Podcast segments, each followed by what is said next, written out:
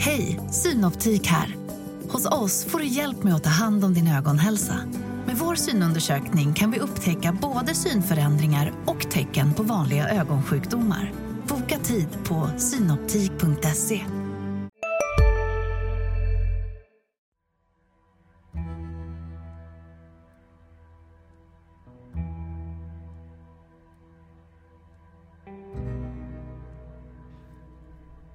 Välkommen till ytterligare ett avsnitt av Studio Krim med mig Torbjörn Granström och Stefan Lindström på Länstidningen Södertälje. Ja, välkomna! Vi sitter här och ska idag prata om någonting som ligger nära dig Torbjörn. Det är nämligen så att Torbjörn Granström har skrivit en eh, bok, Kriget om Södertälje. Den kommer att finnas i bokhandlar senare i veckan, är det meningen, här i slutet av oktober, månadsskiftet. Du kan ju ta och börja berätta, vad handlar boken om?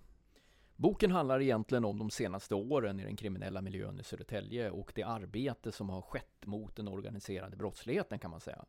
Från Encrochat-tiden fram till explosionen på gatorna i höstas och parallellt med det den, eh, ska vi säga, eh, polisens, myndigheternas kamp mot den ekonomiska brottsligheten. Mm. Det är som ett litet historiskt utsnitt så att säga. Vad gör att du tar avstamp i det här med Encrochattarna? Encrochattarna är ju det som var väldigt speciellt för sin tid när det så att säga när det kom och eh, det har haft väldigt stor betydelse också för vad ska vi säga brottsligheten och för brottsbekämpningen.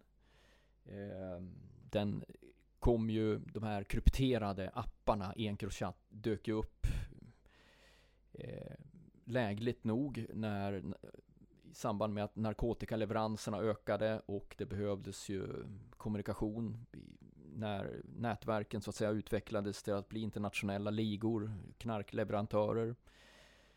Ehm, så, men det var också så att de blev så att säga akilleshälen för nätverken och det vet vi ju. Det är ju, det är ju inget nytt att de har blivit det. Det har ju skrivits om tidigare men även, så även i Södertälje så eh, bidrog det ju till att många nyckel, tongivande nyckelpersoner dömdes till långa fängelsestraff och det skapade tomrum i den här miljön som fylldes av andra och, och det blev en hel del oro kring det.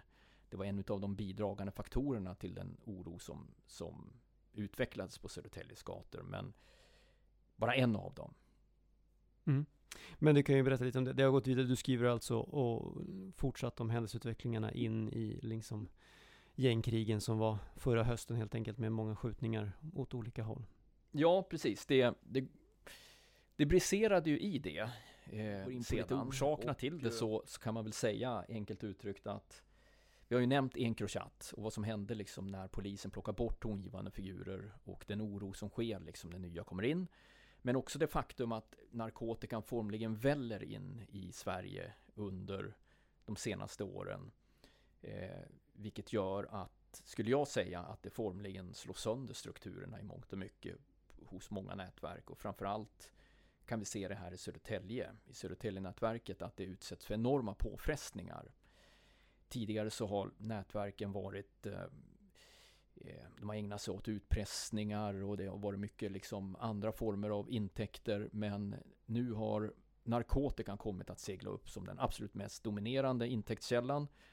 Och därav så har också konflikterna blivit väldigt, eh, ska vi säga, eh, har, ju, har ju blivit därefter genom att eh, när eh, vad ska vi säga, narkotika det handlar ju om säljområden, olika territorier där, där, man, där olika gäng ska vi säga, säljer och där andra gäng inte får sälja och här ska bara vi sälja. Och Södertäljenätverket har ju varit ett gäng som, eller ett nätverk som egentligen har bestått av flera små nätverk kan man säga. Inom Södertäljenätverket så har man ju ofta ifrågasatt det här namnet Södertäljenätverket överhuvudtaget. Men det har ju varit ett eh, begrepp som framförallt eller har kommit från polisiärt håll eh, från första början. Och vad var poängen med det, att beskriva det som ett ja, nätverk? Det, det, det är egentligen bara att man måste förhålla sig till någonting. För att inom Södertäljenätverket så har det ändå funnits en struktur, ska man säga. Vare sig man vill eh, erkänna att, det, att det, från kriminellt håll vill man oftast inte erkänna att det har funnits något sånt. Men, men det går inte att frångå att det har funnits en kriminell struktur där, därför att det har alltid varit så i Södertälje att det är ledarna som bestämmer och kontroll över narkotikahandeln. Och eh, det är från ledarna de andra lokala nätverken ska hämta sin narkotika och sälja i Södertälje. Men det som händer i Sverige under de senaste åren när narkotikan fullständigt väller in, det är att det är inte längre bara ledarna som har de här unika kontakterna till kranar som, som kan leverera stora mängder narkotika, utan nu kan nästan vem som helst fixa detta. Och i många fall bättre än de här ledarna. Det vill säga, de här ledarna är oftast bara ett hinder för att bedriva business. Och då plötsligt uppstår en massa konflikter. Och efter Encrochat-tiden, när Södertäljenätsverkets mer, ska vi säga, uttalade ledare då försvinner från banan, Abraham Aho, och eh, personer kring honom, så eh, gör ju den så kallade, så gör ju nya personer då som har klivit in i de här rollerna anspråk på att vara ledarna. Men det ifrågasätts av andra. Därför att de tycker att de kan få tag i narkotika på ett mycket bättre sätt. Och eh, mycket tydde ju på att de kunde det också. Jag vet inte, nu, nu Ja, det är helt enkelt olika, olika eh, liksom källor som narkotikan väller in på. Och det är ju en utav, vad ska vi säga, orsaken till att konflikten blir som den blir och att det blir de här, vad ska vi säga, splittringarna inom den kriminella miljön som övergår till eh, dödsfiendeskap och dödsskjutningar. Mm.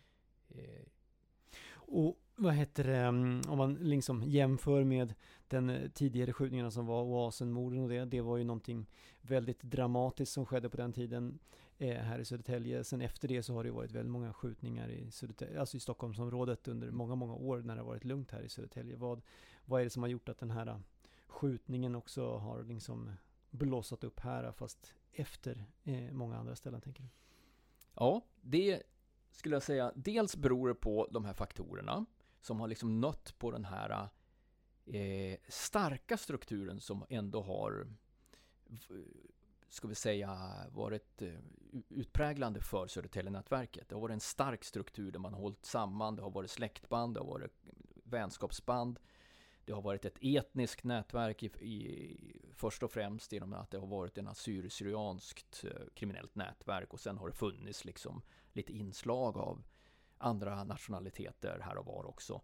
Men det som har hänt under de senaste åren är också att det här, den här miljön har blivit mycket mer heterogen. Det har växt upp bara på några år personer som eh, inte ingår kan man säga i den assyriska gruppen utan personer som har i alla fall inte den assyriska gruppen från Midjatområdet i sydöstra Turkiet och Kamishli i, i nordvästra eller på några mil på andra sidan gränsen till Syrien och det här området som omgav, omger Midjat så att säga och det området. Utan det har kommit in iraker, det har kommit in folk från andra håll. Även om de haft kristen bakgrund så har det inte varit samma gemenskap. Det har inte, det har inte varit samma liksom uttalade gemenskap och sådär. Och eh, miljön har blivit mer heterogen. Den, den, man hittar mer svenska namn, man hittar mer finska namn, man hittar mer afrikanska namn. Eh, det här gör också att den sociala kontrollen inom gruppen luckras upp. Och eh, de konfliktlösningsmetoder man haft har inte räckt till längre för att bromsa konflikter. Det som hände i oasen, som du nämner, det var ju unikt att man sköt folk inom den egna folkgruppen. Alltså att två personer mördas på det sättet, det hade liksom inte skett tidigare ens i de här miljöerna, för man hade alltid löst det konfliktvägen. Att döda personer på det sättet är förknippat med oerhörda problem. Det blir liksom livslång fiendeskap mellan inte bara gärningsman och, och anhöriga, utan det, det, blir liksom hela familjer som dras in i det här. Det blir ju liksom, eh, det blir mycket större än så. Folk, och i Södertäljes liksom alltså, assyrisk-syrianska värld, den är, den är rätt liten om man tänker efter det. Folk träffar på varandra på stan. De går på mm, samma bröllopsfester. De mm, ser varandra kanske i kyrkan. Eh, det är helt enkelt så att det är förklaringen till att det har funnits gränser och, mm, och eh, social kontroll inom gruppen som har hindrat sånt här. Och där, där var det någonting som man, man passerade en gräns på Asentiden. Men eh, sen har man ändå eh, den här strukturen har ändå varit rätt stark inom gruppen. Men där, där ser man alltså att det sker en det är mer, en mer heterogen miljö som gör att det börjar luckras upp. Det är också en faktor tillsammans med det här med narkotikan som väller in och eh, att tongivande personer försvinner ur miljön som påverkar allt det här. Hej, Ulf Kristersson här. På många sätt är det en mörk tid vi lever i. Men nu tar vi ett stort steg för att göra Sverige till en tryggare och säkrare plats. Sverige är nu medlem i Nato. En för alla, alla för en. Har du också valt att bli egen? Då är det viktigt att skaffa en bra företagsförsäkring. Hos oss är alla småföretag stora och inga frågor för små. Swedeas företagsförsäkring är anpassad för mindre företag och täcker även sånt som din hemförsäkring inte täcker. Gå in på swedea.se företag och jämför själv. Så att det som sker i Södertälje Södertälje brukar liksom pekas ut som den mest maffialika staden och sånt där. Det är att Södertälje blir mer lik Stockholmsområdet. Med det här lite, ska vi kalla det, mischmaschet av personer som ingår i kriminella nätverk. Och där vi har sett ett övervåld som har varit enormt de sista åren. Och som har, eh, bortsett från nu i höstas i Södertälje, varit värre på andra håll än i Södertälje. Men vi börjar liksom se att eh, även Södertälje går åt det hållet. Och det här beskriver du i din bok förstår jag. Ehm, de andra delarna du pratar om är ju den ekonomiska brottsligheten. Vad kan du berätta lite mer om den? Vad beskriver du där? Det är egentligen Tore 3-arbetet, det vill säga myndighets... Eller tidigare så var ju Tore-insatsen ett myndighetsgemensamt arbete. Ett dussin myndigheter som jobbade mot den ekonomiska brottsligheten i Södertälje, den organiserade brottsligheten.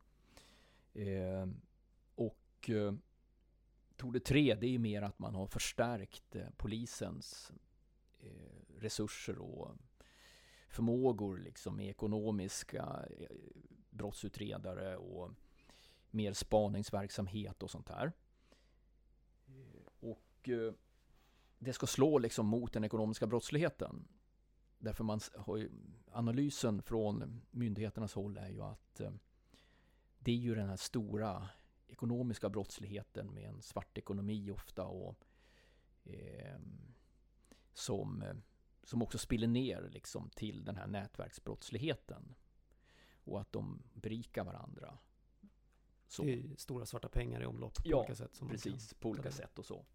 Eh, så därför har ju alltid liksom, arbetet i Södertälje varit eh, jobbet på, mot, mot nätverksbrottsligheten också. Det har också varit viktigt liksom, att slå mot den här ekonomiska brottsligheten. Eh, man kan ju, nu kan man lätt tro kanske om man kommer utifrån att eh, det skulle vara ibland slarvats ganska mycket med begrepp faktiskt. Eh, det har ju kommit ut rapport, en rapport här för ett par år sedan där man liksom kallar allting för Södertäljenätverket. Även de här ekonomiska brottslingarna i byggsektor eller i, eh, som ägnar sig åt ehm, restaurangverksamhet eller vad det kan vara. Eller för all del om de bara tillhör någon viss släkt och, och har ett politiskt engagemang som man kallar till Södertäljenätverket. Det är ju det är, ju, det är en ny företeelse.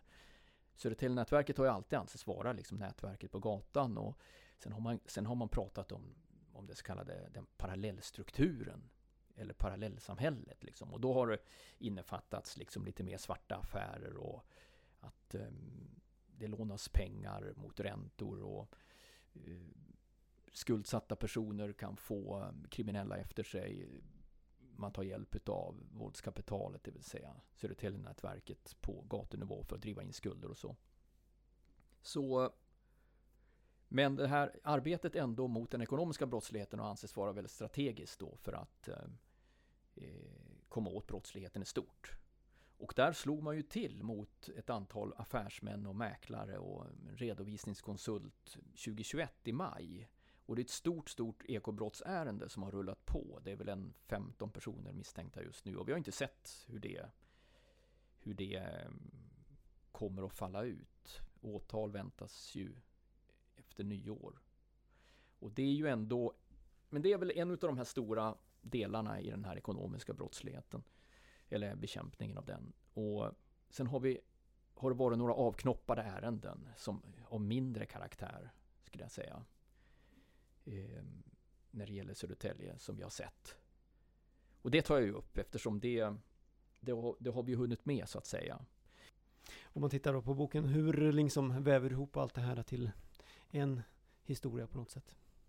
Ja, det är ju egentligen många parallella händelser som sker samtidigt. Eh, och det får man ju helt enkelt försöka eh, väva ihop då på något sätt så.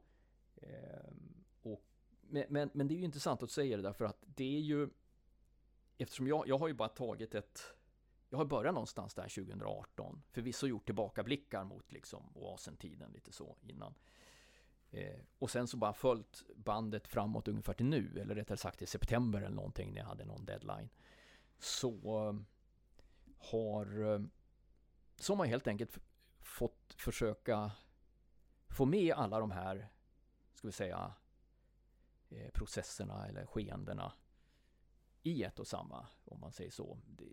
Så det är alltifrån liksom kriget på gatunivån till kampen mot den ekonomiska brottsligheten. Eh, och då är det väl så att eftersom, eftersom den här, jag upphör med skrivandet, förlaget ville ha in det här vid september, så, så finns det ju ett antal åtal av intresse som inte har väckts än, men som mm. kommer att väckas. Så, och det är ju ett av dem, den här ekobrottshärvan. Ja, jag förstår det det finns ju ett relativt lugn nu på, på den eh, liksom, skjutningsfronten här i Södertälje har det ju varit och det har vi skildrat även i Länstidningen flera gånger. Eh, hur spelar det in i den konflikt som du har beskrivit i boken? Liksom, vad är det som har lett fram till det, till det lite större lugn som vi ser för tillfället? Ja, lugnet består, beror nog på lite olika saker. Polisen har dels plockat bort en hel del våldsdrivande personer på gatan. Eh, några som är, anses vara liksom lite mer stökiga än andra sitter frihetsberövade. Det sitter en hel del frihetsberövade för ett stort narkotikamål, personer kopplade till den så kallade Ronna-falangen. Där får vi se. De, domen kommer snart så sannolikt kommer redan så har det släppts tre från de tolv åtalade. Vi får väl se hur många som kommer ut där också. Eh, vi har flera häktade i mordet av den så kallade 41-åringen, den så kallade felskjutningen på Enhörnaleden 1 oktober 22. När en 41-årig person sköts av en på pappret 17-årig person men som av läkarutlåtanden bör ha varit myndig med ett par års marginal. Han sitter ju häktad misstänkt för mord. Där sitter totalt fyra personer häktade i det ärendet.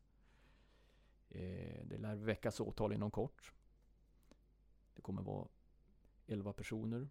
Det är Södertäljebor som har plockats, eh, som har getts ut på de här dåraktiga spränguppdragen och sånt där kopplade till eh, kurdiske räven, Grekenkonflikten, alltså Foxtrot-Dalen-konflikten, som sitter.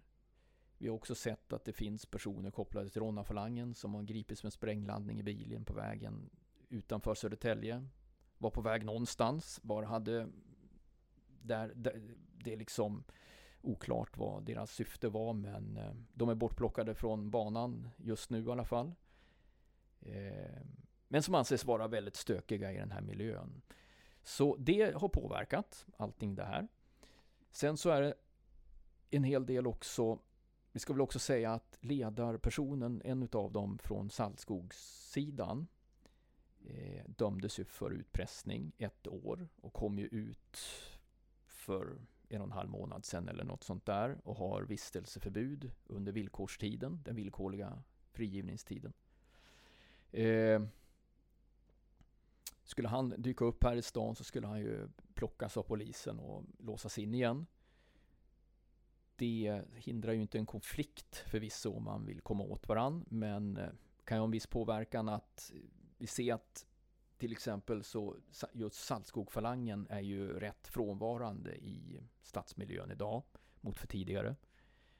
Ehm, tidigare så i Saltskog har jag varit en öppen drogscen under många år, en av Södertäljes öppna drogscener där svartklädda tonåringar med huvud har stått i portarna och där folk har kommit hit och helt enkelt köpt narkotika. Det har ju varit rätt tomt på dem de sista veckorna. Det finns en del som tyder på att det kan ha skett saker i den undre världen. Eh, delvis har man sett fler äldre i den här miljön som har blivit synliga på sista tiden. Om det är så att de själva har fått kliva in när många har plockats bort eller om de helt enkelt har eh, Ja, det kan ha skett en påverkan från det hållet. Att eh, jag tror in, ingen av dem vill ha den här situationen faktiskt som har varit. Eh, men eh, det är tillfället lugnt. Det bedöms dock vara ett ganska bedrägligt lugn än så länge. Det återstår att se. Konflikten anses vara fortfarande pågående ändå. Så det är bara att vänta och se egentligen vad som händer. Vi konstaterar i alla fall att folk verkar inte röra sig med skottsäkra västar längre. Det behövs inte, säger de. Och det finns också tecken som tyder på att eh, den här konfliktnivån faktiskt har lagt sig lite grann, i alla fall mellan, mellan vissa utav de här grupperna. För inom varje utav de här grupperna, Ronnafalangen och Saltskog, har det ju funnits personer även, vi har ju kallat Saltskog, det har ju varit liksom lina folk också och så. Och de tycks ju vara kvar i stan. Så det, det kanske säger någonting om att det har skett någon form av, ska vi säga, stillestånd mellan vissa inom de här miljöerna. Men att det fortfarande är väldigt känsligt med andra. Mm. Egentligen kan man bara spekulera där. Ja, jag förstår. Ja, men eh, du berättar alltså om alla de händelser som, från de senaste åren som leder upp till dagens stillestånd så att säga i boken. Finns det någonting mer du kan säga lite mer avslutande om, om eh, boken eh, och dess innehåll? Nej men eftersom det är ett flöde, alltså det är mitt i ett flöde som egentligen den här boken är skriven i så, kommer ju, så fortsätter ju händelseutvecklingen hela tiden och det är ju någonting som vi kommer att fortsätta att rapportera om här i Länstidningen framöver helt enkelt. Och det är ju en never-ending story när det gäller Södertälje. Det har vi ju lärt oss. Det tar ju liksom aldrig stopp riktigt. Tack så hemskt mycket. Då tackar vi för oss. Jag, Stefan Lindström och du, Torbjörn Granström.